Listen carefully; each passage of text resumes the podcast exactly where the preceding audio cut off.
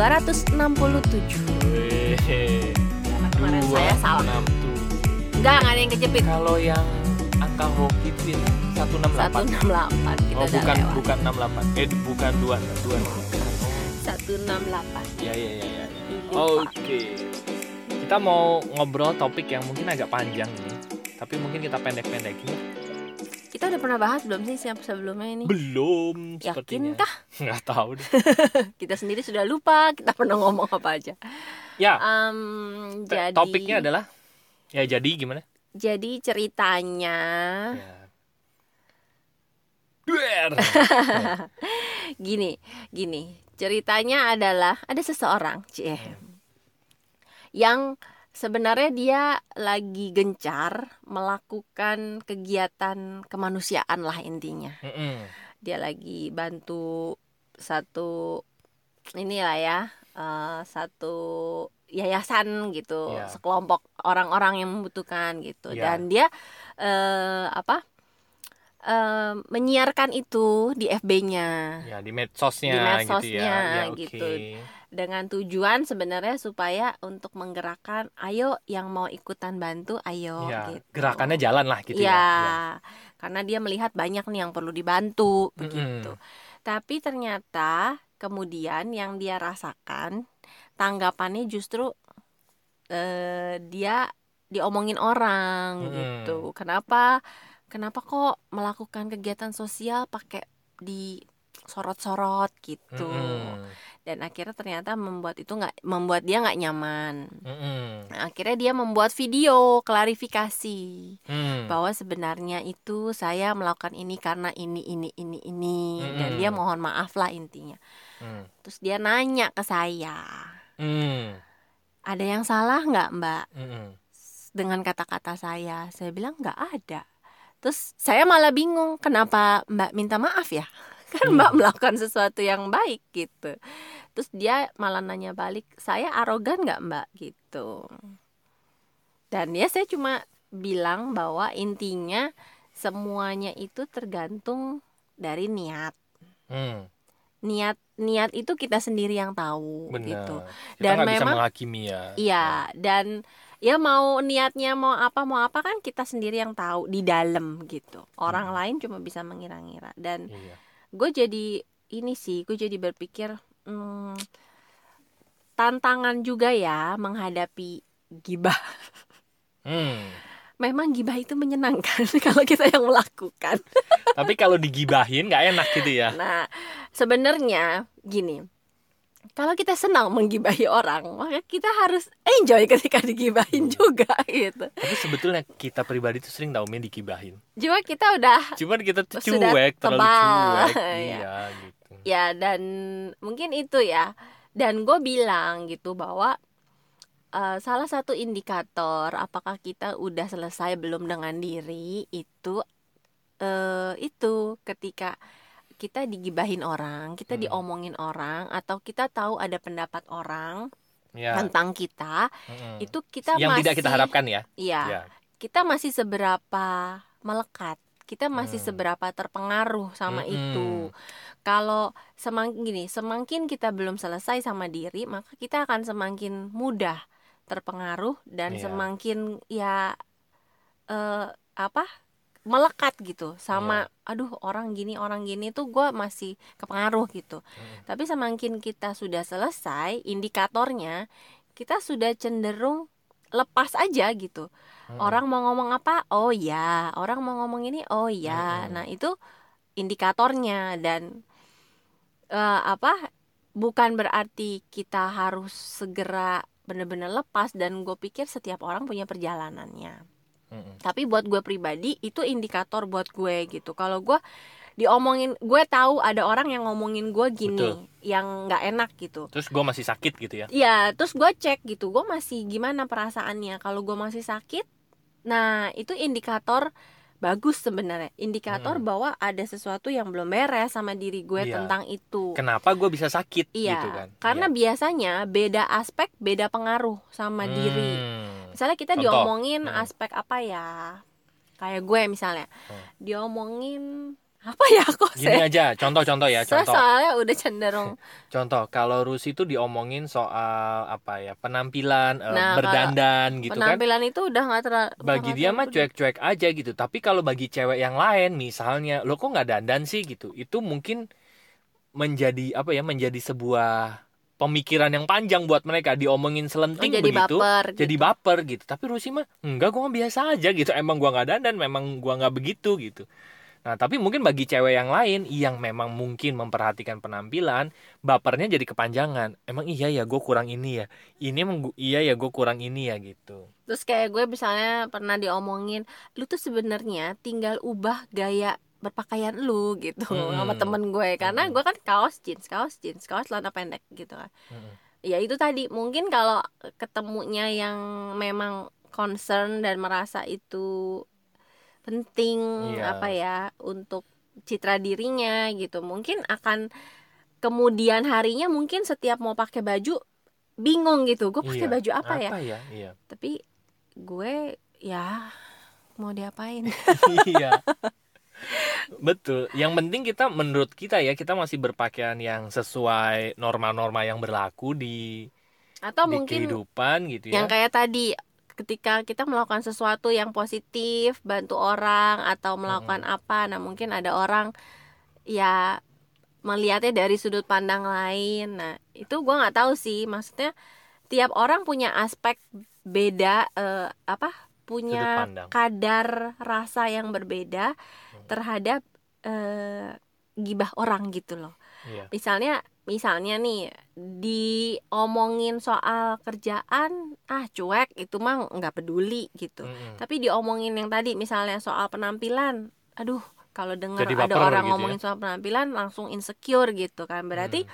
ya kita bisa berkaca sebenarnya oh gue tuh belum selesai di aspek gue yang ini ini ini dan Mm-mm. itu kalau kita tarik gitu ya kenapa, Kenapa? ya Iya, kenapa gue bapernya di sini di Mm-mm. A kenapa di C gue fine Iya. kenapa gue bapernya di E misalnya itu biasanya ya kita kan unik kan kita Mm-mm. eh, dibangun dari berbagai pengalaman Mm-mm. dari berbagai didikan gitu Mm-mm. kan nah tiap orang punya ini tadi yang beda-beda nah sebenarnya Iya, itu salah beda-beda juga. ya itu salah satu jalan untuk mengenali diri kita lebih gitu Mm-mm.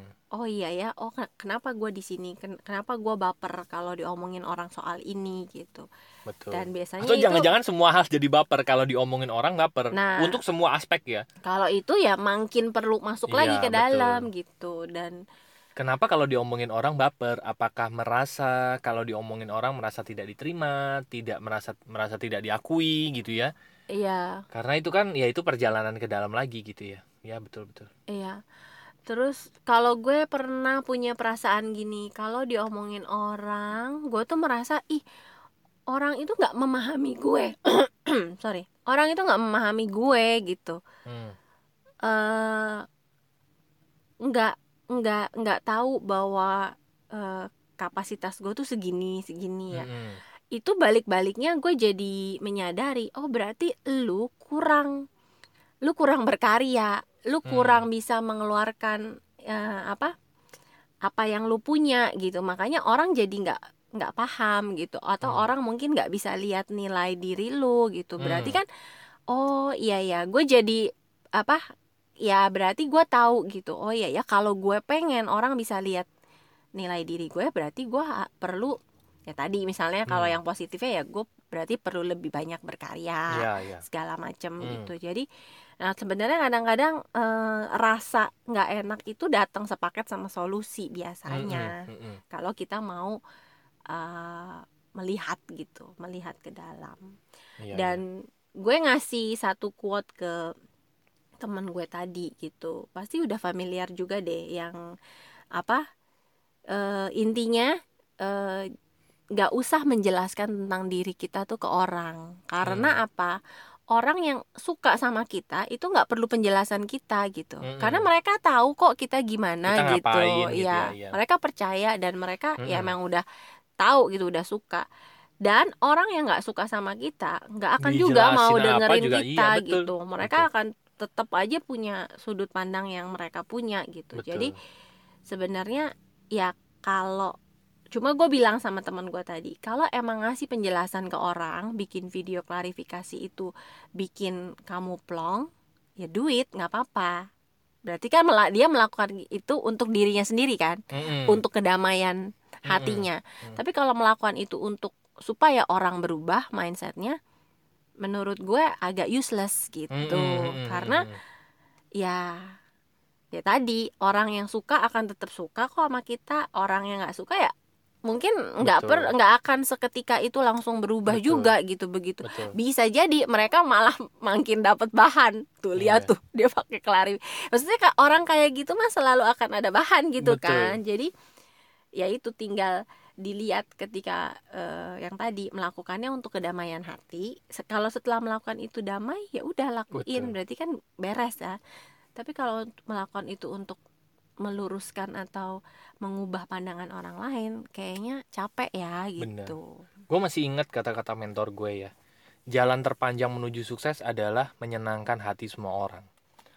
Karena itu sesuatu hil yang mustahil dan Gitu. dulu gue pernah loh pengen begitu rasanya. Kayaknya gue tuh pengen semua orang tuh bisa suka Suka, sama gue gitu. Kayaknya kalau ada yang ada yang enggak enggak enggak apa enggak Nggak friendly sama atau gue apa atau gitu kayak ya. gue bisa sangat terganggu karena gue merasa ditolak gue merasa nilai diri gue kok ada yang nggak suka sama gue ya apa gue kurang apa gue kurang apa gitu Iya. tapi sampai ya itu ya satu titik ketika udah menerima ya ada yang suka ada yang enggak toh gue juga Betul. bukan siapa-siapa gitu kan gue juga punya kekurangan ya wajar aja kalau ada yang nggak suka sama gue gitu Betul. Jadi Bahkan ya- ketika ketika kita menjadi siapa siapa pun pasti tetap aja ada yang nggak suka, ya ya kan? Jadi menurut gue sih gini ya ukurannya ya. Selama yang lo lakukan itu pertama, gue tuh ini kemarin di bedah buku ya sama Om Bud ya. mm-mm. Itu menurut gue kata Om Om Bud ditanya gini. Waktu itu ada peserta bilang gini. "E, kalau saya nulis buku, bukunya bahasa Inggris boleh nggak? Nah kata-kata Om Bud ini menurut gue keren banget gitu. Om Bud jawab gini. Terus terang saya tuh mengidolai kata nyaman. Dia bilang. Selama itu nyaman buat kita, lakuin aja gitu. Nah, menurut gue juga sama sih. Pada saat kita melakukan sesuatu, terus tentu saja dengan melakukan sesuatu yang baik dan benar ya, yang Ya, sesuai itu- norma-norma ya, itu gitu ya udah guideline-nya nomor guideline-nya satu gitu. lah Nah, selama kita melakukan sesuatu itu dengan nyaman, dengan guideline semesta ini, jadi kita tidak melanggar norma-norma semesta itu yang paling penting. Ya. Just do it, lakukan, eh lakukan gitu.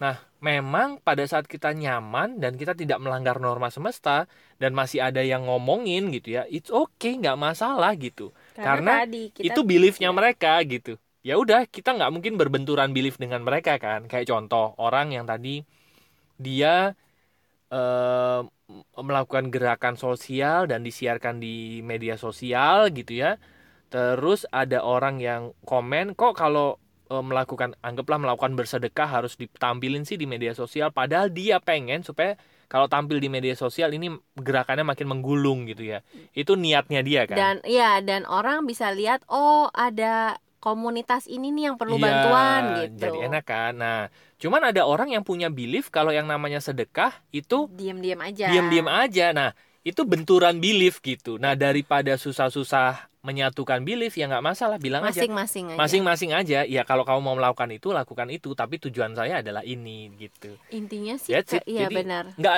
sebetulnya nggak ada yang benar dan salah pada saat kita melakukan sesuai dengan belief kita.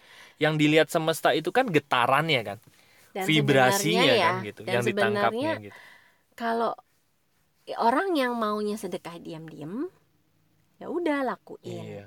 nggak sebenarnya ya nggak usah ngomentarin yang sedekah Terang-terangan. terang-terangan Iya. yang sedekah terang-terangan ya gue nyamannya begini karena gue punya alasan ini ya gue lakuin ini Betul. nggak nggak usah juga orang maksudnya ya intinya sih nggak usah saling ngurusin sebenarnya Iya, nggak usah ngurusin belief orang lain karena setiap orang itu bisa berhasil dengan belief mereka sendiri. iya Gua kasih contoh di penjualan aja ya.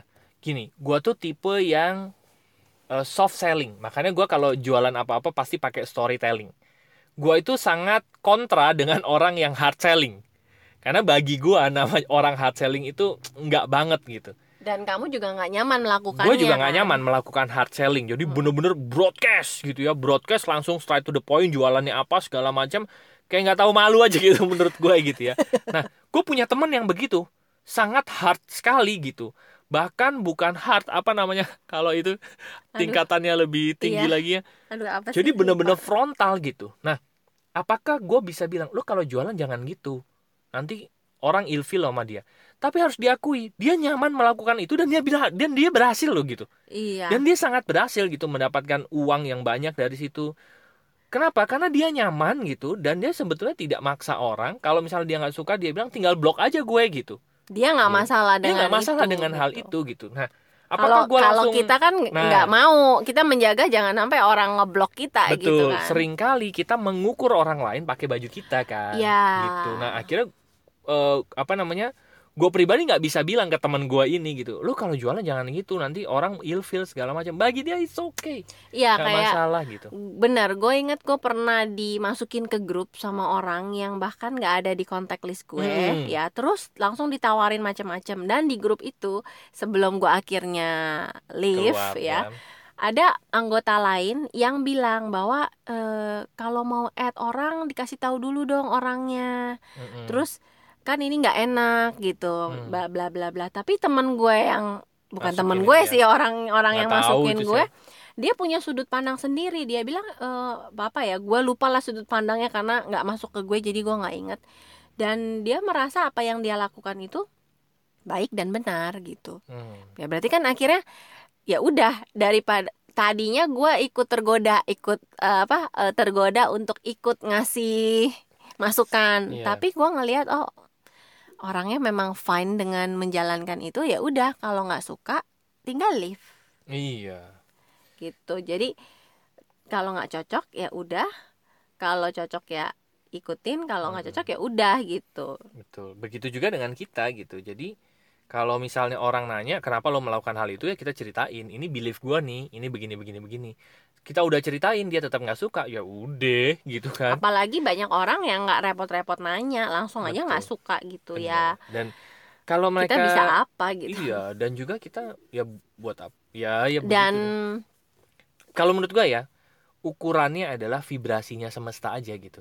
Kalau yang lo lakuin ini berkenan eh, kalau yang lo lakuin ini semesta berkenan berarti hidup lo menjadi lebih baik berarti kan apa yang lo lakuin emosi dasarnya itu bener kan? Iya yang Nah. nyampe ke semesta ya. Nyampe ke semesta semesta berkenan akhirnya lo mendapatkan keberlimpahan. Tapi kalau lo bilang gini gue melakukan ini untuk kebaikan tapi kalau hidup lo makin belangsak berarti memang vibrasi yang vibrasi yang lo pancarkan memang nggak berkenan sama semesta. Jadi apa yang di mulut sama yang di hati eh, semesta akan menilainya dari hati gitu kan Ya, dari karena getarannya getaran gitu. itu nggak bisa bohong bener pokoknya acuannya itu aja gitu kalau hidup lo makin lama makin damai nggak cuma dari sisi finansial ya gitu ya ya semua sisi finansi sisi finansial dari sisi hubungan semakin lama semakin Rasa, berkembang ya iya. berarti apa yang lo lakuin semesta berkenan gitu itu kan patokannya kan gitu. selaras Selaras. ya. menurut gue sih gitu gitu itu adalah patokannya mau orang ngomong apa tapi kalau semesta berkenan ya berarti lo udah selaras sama semesta itu kan Benar. goalnya adalah itu gitu selaras Betul, dengan betul. semesta Ya. gitu deh jadi itu eh, Dan mengha- menghadapi ini- gibah gue dapet kata-kata bagus ya jadi dia bilang eh, bahwa saya perlahan-lahan mempelajari belajar bahwa eh, hidup itu lebih baik ketika kita jalani bukan dengan berpusat pada apa yang eh, terjadi di luar. Mm-mm. ya itu ya. Kayak contohnya orang ngomongin apa orang ngomongin apa. Itu itu kan sebenarnya apa yang terjadi di luar gitu kan. Tapi hidup itu lebih baik dijalani terasa lebih baik dan berjalan lebih baik ketika kita menjalani hidup dengan memusatkan di dalam apa ya. yang terjadi di Iya, dalam bener sih. gitu betul betul dan gua bilang dan menurut gua iya ya kadang-kadang kita terlalu sa- apa terlalu sibuk atau terlalu terpusatnya pada iya terlalu Di ngurusin yang luar di luar gitu. gitu, ya iya benar. Padahal ya benar kata quote tadi. Lebih baik memusatkan apa yang terjadi di dalam Benar. diri kita. Karena di dalam diri kita saja banyak yang terjadi. Betul. Karena penciptaan manusia pun terjadi di dalam bukan di luar. Kalau di luar tidak jadi. Iya. Makanya kita kalau mau jadi ter- terus menjadi manusia, Harus masuklah ke dalam. karena masuk dulu atau keluar di dalam. Bingung tuh. nggak kalau karena dulu kan Oh. diciptakannya di dalam. Iya, iya, iya, Makanya kita harus sering-sering menengok ke dalam supaya kita menjadi semakin manusia Tengoklah gitu. ke dalam. Bener. Oke. Jadi Jadi judulnya kalau judulnya itu kayaknya ya. ya Teruslah teruslah masuk ke dalam. iya, karena kita diciptakan di dalam. Keluar atau tidak urusan belakangan. oh gitu. Enggak kan? Kalau mau jadi manusia ya harus diselesaikan di dalam ya kan, Kok kamu bukan di luar. kamu nggak enak gitu mau ngomongnya. Ya ya baiklah. Gitu. Iya benar. Jadi, untuk menjadi untuk menjadi semakin manusia, kita perlu sering-sering masuk masuk ke, Ke dalam. dalam. Karena dulu kita diciptakan Di di, dalam. dalam. bukan di luar gitu. nggak ada urusannya di eh luar. ada yang di luar sekarang. Kalau pakai program-program kan di luar. Iya. Itu juga manusia. Mm-mm sih, cuman kan kodratnya itu kan kebanyakan di dalam diciptainnya. Iya iya kan. iya. Gue mengerti maksudnya. Oke. Biar nyambung, pokoknya disambungin begitu aja. Bener. Intinya sih, ya itu kita mau mengajak teman-teman untuk kembali masuk ke dalam. Saya pikir kit- kami mau mengajak teman-teman untuk keluar di dalam begitu. oh, enggak ya. Iya iya iya udah. Oke oke oke oke. Betul. Karena Tapi keluar di dalam itu perlu loh ya. Maksudnya gini, kita punya emosi apa, itu sering kali kita mengeluarkannya keluar gitu. ah ya ya ya ya ya. Padahal sebenarnya kita lebih perlu keluarin di dalam diri kita. Kita ngomong sama diri kita, kita ngobrol, kita Betul. discuss, kita bahas Betul. sama pikiran-pikiran yang berisik nih Bener. di dalam kita gitu. Jadi tagline itu sangat dalam. Iya, keluar di dalam ini. Oke deh, teman-teman. Baiklah, bagi teman-teman yang masih ingin ngobrol bareng kami, silahkan masuk aja ke website kami yaitu Lompatanhidup.com nanti ada tiga page di sana. Yang pertama ada home buat chit chat ngobrol apa pun itu masuk aja ke page yang home. Yang kedua ada konseling dan event itu adalah layanan jasa profesional kami bagi teman-teman yang mau melakukan sesi terapi. Ya. Konseling atau mengundang kami bicara di event, silahkan klik aja tombol WA di page konseling dan event. Ya. Dan yang ketiga ada bisnis bagi teman-teman yang ingin mendapatkan rekomendasi bisnis dari kami. Kalian bisnis apa sih? Mau dong bisnis bareng kalian? Nanti ada program mentoringnya juga. Nah kita bareng-bareng lah pokoknya berbisnis bersama di sana. Oke, masuk aja di page yang bisnis ya. Oke, Oke, terima kasih sudah mendengarkan episode. 267. Semoga bermanfaat dan sampai jumpa di episode berikutnya. Thank you, bye bye. See you.